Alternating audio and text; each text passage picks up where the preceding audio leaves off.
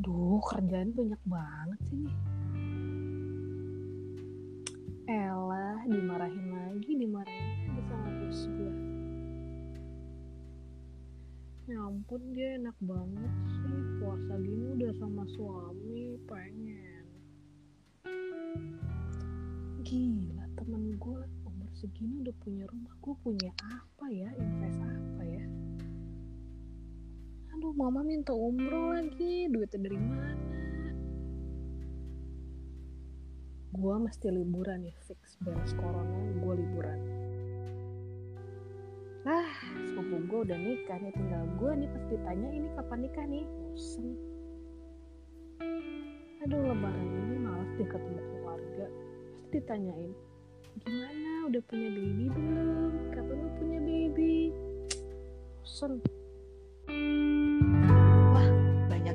macam-macam keluh kesah kita-kita nih yang udah usianya di atas 25 tahun.